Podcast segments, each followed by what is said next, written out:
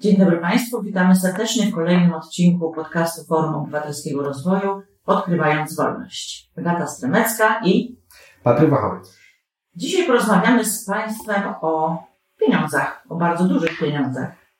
Wszystkich oczywiście nie przekonamy. Niektórzy chcą trwać w głupocie, złudzeniach, inni cynicznie liczą na fortuny, które zarobią na jakimś zniewalaniu Polski. Próbuje się nam zabrać wolność, suwerenność i jeszcze nas obrabować. Tak powiedział w poniedziałek Jarosław Kaczyński w kontekście pieniędzy z Unii Europejskiej, na które wszystkich czekamy. Czy rzeczywiście Unia Europejska chce nas obrabować? Nie wydaje mi się, podobnie jak nie chce nam zabrać suwerenności, nas zniewolić, wprowadzić jakiś tandem niemiecko-rosyjski, bo to też takie słowa się pojawiały. Unia Europejska stworzyła mechanizm dosyć prosty, jak się rozbierze na czynniki pierwsze, który ma zaradzić problemom gospodarczym wynikającym po pandemii, a także wzmocnić gospodarki na podobne wyzwania, które mogłyby się zdarzyć, zdarzyć w przyszłości, bo to też nie jest oczywiście e, wykluczone. Mechanizm jest bardzo prosty. Państwa członkowskie e, otrzymają część bezzwrotnej pomocy, część w formie nisko oprocentowanych pożyczek e, w zamian za skuteczne, odpowiednie reformy czy za osiągnięcie pewnych pewnych mierników gospodarczych, e, dostaną, e, mają złożyć wniosek, dostaną kolejne transze wypłat i to jest bardzo prosta pomoc, jeżeli się ją właśnie rozbierze e, na czynniki pierwsze i tutaj żadnego elementu zniewalania kogokolwiek nie ma. Co istotne, ta pomoc jest oczywiście dobrowolna, więc tutaj państwa członkowskie, jeżeli nie chcą wnioskować o wszystkie kwoty z Funduszu Odbudowy, to po prostu nie muszą. Węgrzy na przykład, e, z tego co mi wiadomo, w ogóle nie zażądały tej części pożyczkowej, bo nie chcą po prostu się dokładać do, czy, czy nie chcą składać tych pożyczek, tylko wnioskowały o pomoc e, bezzwrotną, e, więc mechanizm jest dobrowolny. Nie chcemy, no to po prostu nie wnioskujmy o to, ale myśmy już tę procedurę przecież rozpoczęli. No właśnie, jeszcze parę miesięcy temu rząd Prawa i Sprawiedliwości okleił całą Polskę billboardami pod tytułem 770 miliardów z Unii Europejskiej które dzięki właśnie e, staraniom e, Prawa i Sprawiedliwości rządów e, Unii Europejskiej miały się pojawić w, w postaci pożyczek i, i bezzwrotnych dotacji. Dzisiaj wydaje się, że ta opowieść rządu jest zupełnie inna. To znaczy, niektórzy mówią, jak na przykład mm, europoseł Karski, że to wcale nie są aż tak duże pieniądze, więc nie przesadzajmy. Inni mówią, że właściwie ich nie potrzebujemy. E, a z kolei właśnie Jarosław Kaczyński mówi, no, że właściwie potrzebujemy, ale Unia nie chce się zgodzić na nasze warunki. E, jak to naprawdę jest? No z tych ponad 700 miliardów e, to fundusz odbudowy to jest niewielki procent, ale wydaje mi się, że dosyć znaczący. To z dwóch powodów. Po pierwsze to jest około 60 miliardów euro, więc duże pieniądze jak na tak rozwinięty gospodarczo kraj jak Polska. E, po drugie są łatwo dostępne, to o czym wspominałem. Utraciliśmy niestety możliwość e, wnioskowania o możliwość uzyskania zaliczek.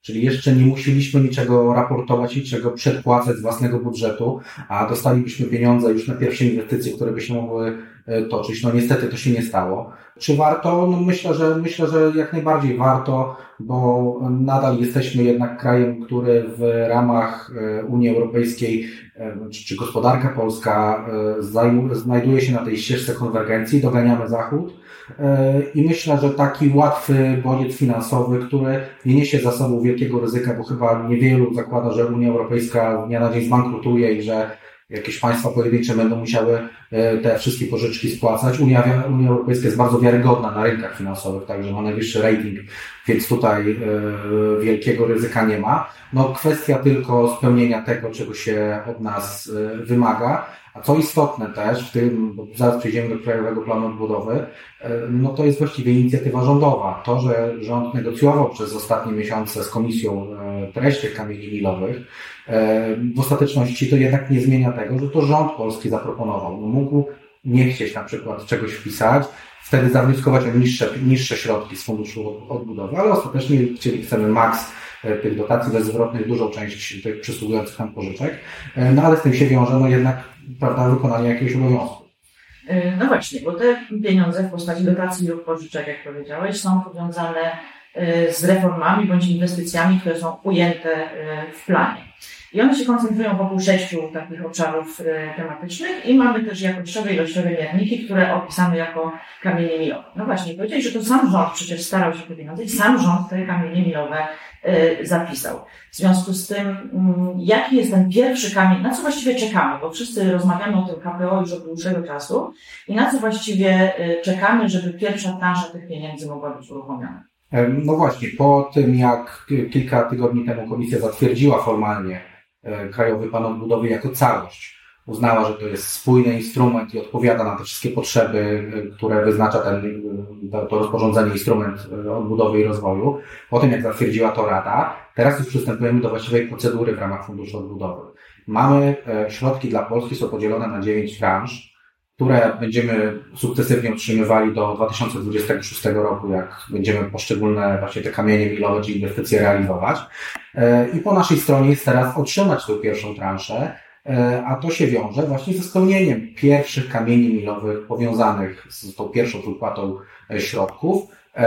Polska składa wtedy po wykonaniu tych, tych, tych kamieni milowych powiązanych z pierwszą transzą składa wniosek do komisji, komisja ocenia, konsultuje się z innymi instytucjami Unii Europejskiej, czy wszystko jest w porządku i dokonuje wtedy takiej wypłaty. No u nas ten problem jest zasadniczy, ponieważ kamienie milowe dotyczące wymiaru sprawiedliwości, czy, czy generalnie mówiąc sądownictwa, one są powiązane już z pierwszą transzą, a to oznacza, że jeżeli tej pierwszej nie uruchomimy, to żadnej kolejnej z tych dziewięciu e, transz też nie uruchomimy. Więc Dobra, się rozumiem, że nie można ominąć kamieni milowych i zacząć od środka na przykład, gdyby uznać, że nie wiem, reforma energetyczna jest ważniejsza i chcielibyśmy otrzymać pieniądze na e, transformację energetyczną, to nie możemy, rozumiem, ominąć e, pierwszych kamieni milowych związanych z wymiarem sprawiedliwości. E, przepisy unijne przewidują możliwość zmiany, modyfikacji Krajowego Planu Odbudowy, ale jak mówi rozporządzenie unijne, w nadzwyczajnej sytuacji. My tutaj druga, druga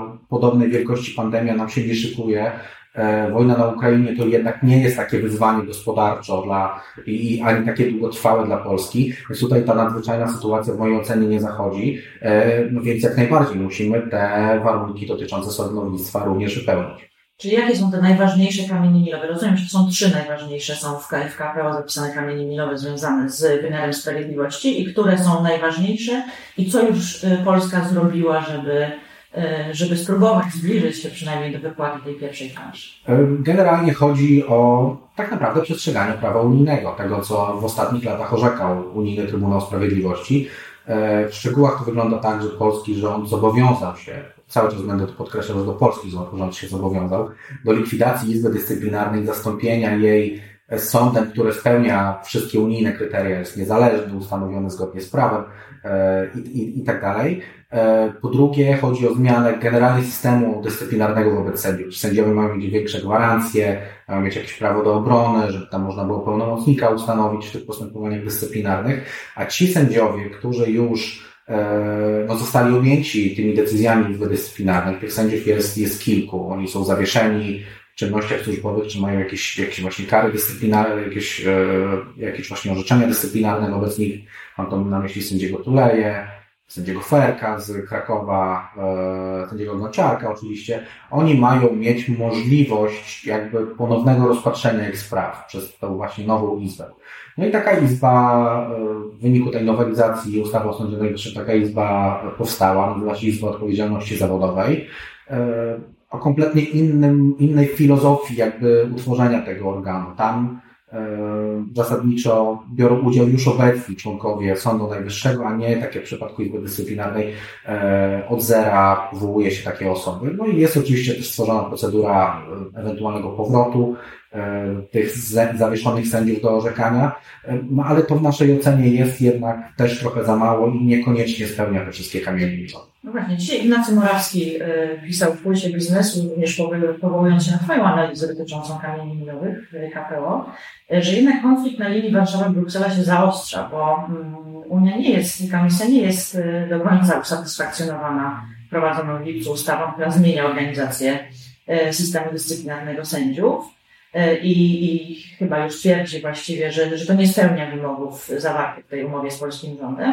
Mm, no a rząd w Jarosława Kaczyńskiego mówi, że mm, rząd nie zamierza wykonywać już żadnych zmiany i czuje się oszukany przez Unię Europejską. Czy to jest jakaś patowa sytuacja, czy, czy, czy jest jakieś wyjście i rozwiązanie?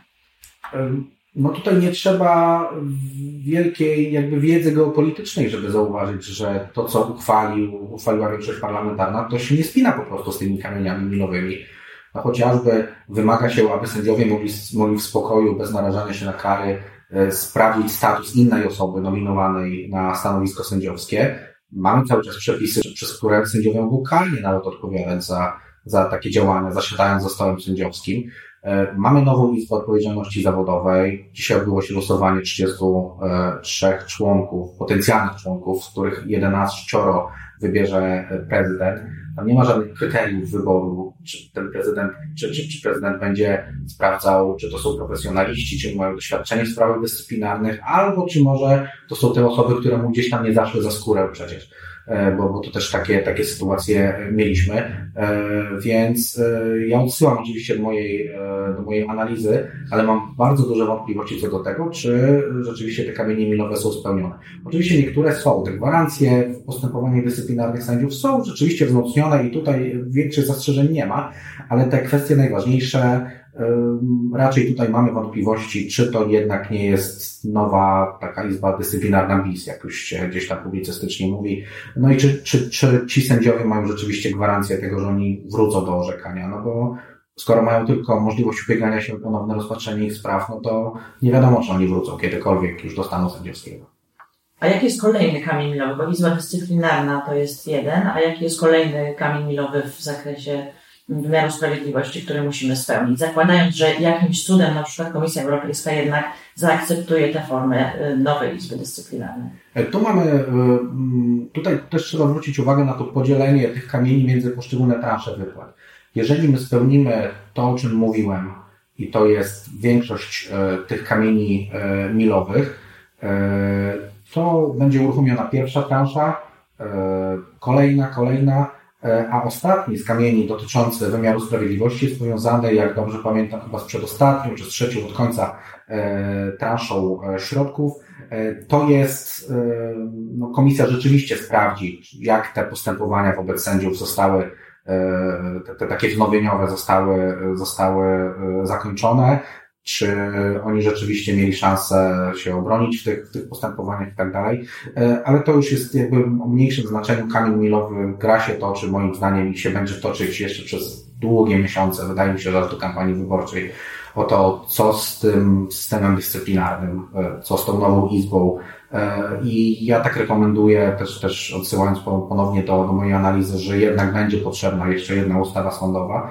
I to nie jest, widzimy się, Komisji Europejskiej, bo ta, ta izba nowa, ona się może nie ostać po prostu przed europejskimi sądami. To nie ma nic wspólnego z kamieniami milowymi, tylko po prostu będzie na, nadal jakby naruszała te prawa, te prawa sędziów. E, a kiedy nastąpi jakiś sprawdzam tej izby? W jakiej formule? Bardzo szybko nastąpi, bo e, mechanizm wygląda tak, że my e, najpierw spełniamy kamienie milowe, to są nie tylko te sądowe, pamiętajmy, tam są energetyczne, zmiany w regulaminie Sejmu, różne inne, e, dotyczące różnych innych dziedzin. My te kamienie spełniamy. Dopiero jak spełnimy, to piszemy do Komisji Europejskiej wniosek.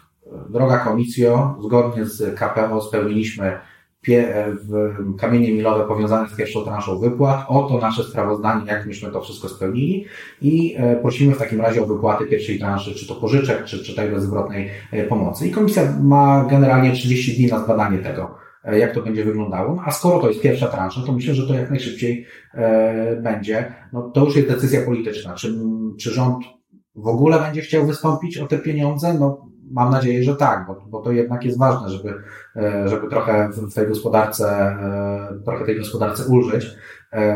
No a jeżeli wystąpi, no to, no to komisja generalnie dosyć szybko będzie, będzie podejmowała tutaj decyzję.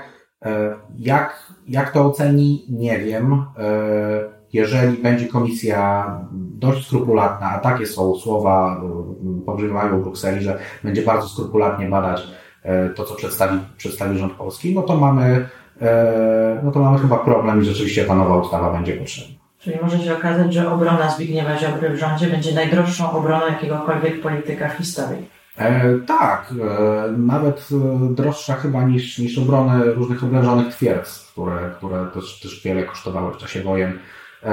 No ale no tak, w takim układzie znalazł się rząd i, no i musi naważyć, musi wypić to piwo, które sam naważy. Mm, czy widzisz zagrożenie, że w ogóle KPO nie zostanie zrealizowane? Mm, trudno, jeżeli już byśmy przeszli na analizę taką trochę politologiczną, e, trudno sobie wyobrazić, żebyśmy tracili tak dużą szansę, już pojawiało się zresztą porównanie do planu Marszala i do utraty tych środków, e, jeszcze właściwie w przededniu rozpoczęcia kampanii wyborczej, gdzie to jest e, takie pieniądze, co zresztą już rząd pokazywał kilka miesięcy temu na banerach, to jest, taki, ta, to jest taka sposobność do, do chwalenia się tym, e, ile rząd zrobił, ile wynegocjował, porównania do poprzedników. Przecież za poprzedników nie było KPO, prawda? Też myśl, myślę, że na pewno taka, taki argument się pojawił, ale pandemii też nie było na taką skalę. Więc ja myślę, że, że rząd nie ma wyjścia i, i musi się, e, i musi się jakoś dogadać, też wewnątrz, wewnątrz własnej koalicji, żeby te pieniądze, żeby o te pieniądze się zwrócić. Z drugiej strony, czy komisja nie będzie jakby po, w kolejnych miesiącach jakoś zmęczona tą całą sytuacją, tym, tym, tym takim przeciąganiem liny? No właśnie, trochę jest tak, że komisja może powiedzieć, załatwcie y, przede wszystkim swoje sprawy w, u siebie, prawda? I, i, I dopiero do, potem dajcie nam znać, jak już będziecie mieli odpowiednie rozwiązanie. Takie, takiego stanowiska komisji też rozumiem, można by się spodziewać. E, to prawda, ale też komisji bardzo zależy na uruchomieniu tych środków i pamiętajmy, że jeszcze tylko Węgry mają zaakceptowanego Krajowego Planu e, Odbudowy. Niektóre państwa już drugą transzę zresztą tych pieniędzy mają e, wypłaconą. No i to też się trochę będzie zbiegało z kalendarzem wyborczym w Unii Europejskiej, bo E, myślę, że komisji będzie zależało bardzo na tym, tak jak mm, przy poprzedniej komisji wielkim problemem takim wizerunkowym był ten narastający kryzys praworządności, to tutaj, że no nie udało się jednak skutecznie tego kryzysu e, poskromić, e, ani też no, no, a można byłoby to odczytywać też jako działanie takie na podzielenie Unii Europejskiej, że jest jest, ta, jest to jądro integracji, że oni, oni biorą te pieniądze, prawda, narzucają politykę, a poszczególne państwa są wypychane. No to też nie jest dobry PR dla Komisji i dla Unii Europejskiej jako takiej na świecie, że to jest taki organizm, który się zaczyna dzielić. Więc, więc myślę, że też Komisji na tym nie zależy. Myślę, że warto też podkreślić, bo my mówimy tutaj o, o pewnych reformach w zakresie sądownictwa y, w kontekście y, spełnienia oczekiwań Unii Europejskiej, ale pamiętajmy, że tak naprawdę wypełnienie kamieni milowych, a prawdziwe reformy sądownictwa, które byłyby potrzebne w Polsce, to są trochę dwie różne rzeczy, prawda? Bo to jest to trochę takie mm, mm, pudrowanie y, brzydkiego wyglądu wymiaru sprawiedliwości, a nie żadne realne reformy, które tak naprawdę byłyby potrzebne, abstrahując od tego, czy zależne od tego jest wypłacenie jakichkolwiek pieniędzy, prawda? 100% zgody. Ja w ogóle w pierwszych takich swoich komentarzach po tym, jak te kamienie milowe zostały zaproponowane, bardzo się dziwiłem, jak takim trikiem lewą ręką za prawe ucho Komisja Europejska wyciągnęła e, to powiązanie niezależności sądów i, i wzrostu inwestycji czy wiarygodności e, tej, tej inwestycyjnej, no, mogła równie dobrze wpisać przyspieszcie procedury sądowe o 20%, prawda? Ale tak to wynegocjowała, tak to wynegocjował minister Buda, który dostał przecież mandat od rządu. E, no, a porównaniu na przykład do Słowacji, gdzie, gdzie Słowacy za środki z Krajowego Planu Odbudowy rzeczywiście robią prawdziwą reformę sądownictwa, budują budynki, informatyzacja, cyfryzacja sądownictwa, zmiana w ogóle struktury sądów, szkolenia dla sędziów, no z korzyścią oczywiście dla tego prawa do sądu, żeby te sprawy były szybciej e, rozpoznawane. No u nas rząd zdecydował, że jednak e, nie będzie jakby dobrym narzędziem dla odporności gospodarki poprawa sytuacji w sądownictwie, więc mamy niestety, my jesteśmy trochę jakby level niżej od Słowaków. My najpierw się zajmujemy wewnętrznymi problemami w sądownictwie, a jeszcze te relacje z obywatelami, no to jeszcze muszą poczekać niestety.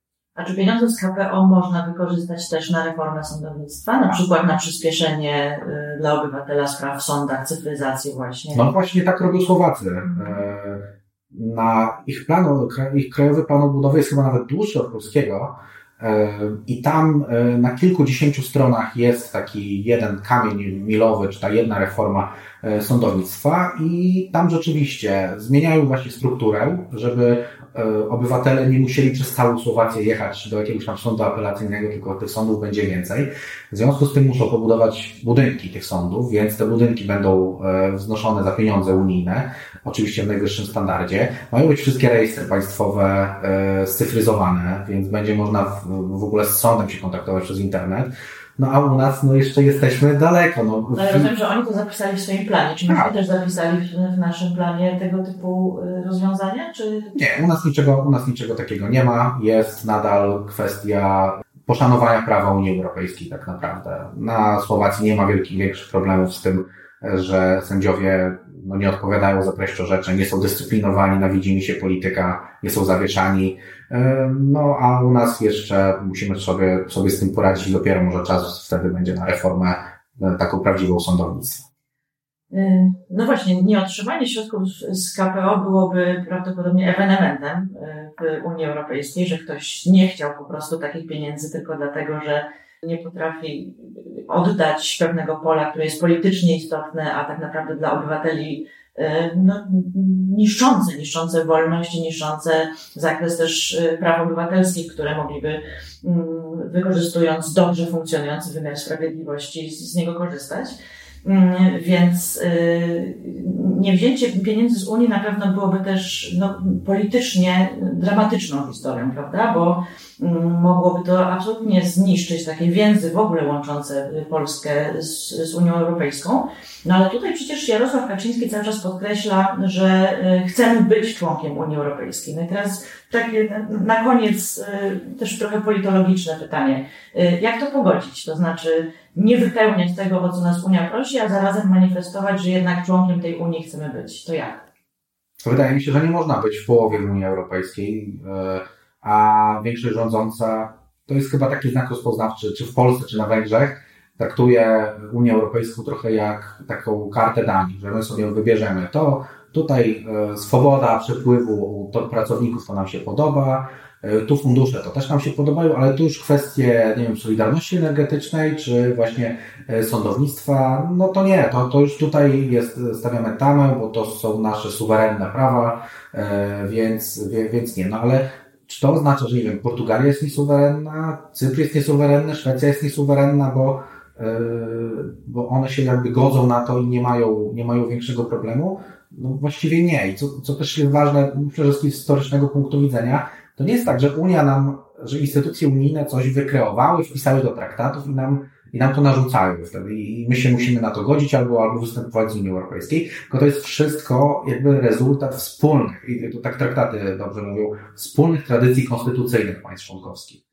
My mamy wiele wspólnego w ramach takich ustrojowych z Niemcami, właśnie z Finlandią, ze Szwecją, z Holandią. E, stąd też wziął się, wzięła się cała integracja europejska, że po prostu mamy jakieś wspólne wartości, je dzielimy, e, je rozwijamy, e, więc no to tylko świadczy jakby o, o władzy, która, która aktualnie rządzi, że jakby wypisuje się z tego klubu na własne życzenie i z dużą, moim zdaniem, z dużą szkodą dla obywateli, bo jednak członkostwo w Unii Europejskiej poza tym aspektem gospodarczym jest jednak też geopolitycznie dla nas istotne, no bo trzeciej drogi nie ma, jest albo wschód, albo zachód. Bardzo dziękuję. Moim gościem dzisiaj był Patryk Wachowiec. Y, zachęcamy do słuchania naszych podcastów na Spotify, YouTube, Apple Podcast, Google Podcast. Do usłyszenia. Do usłyszenia.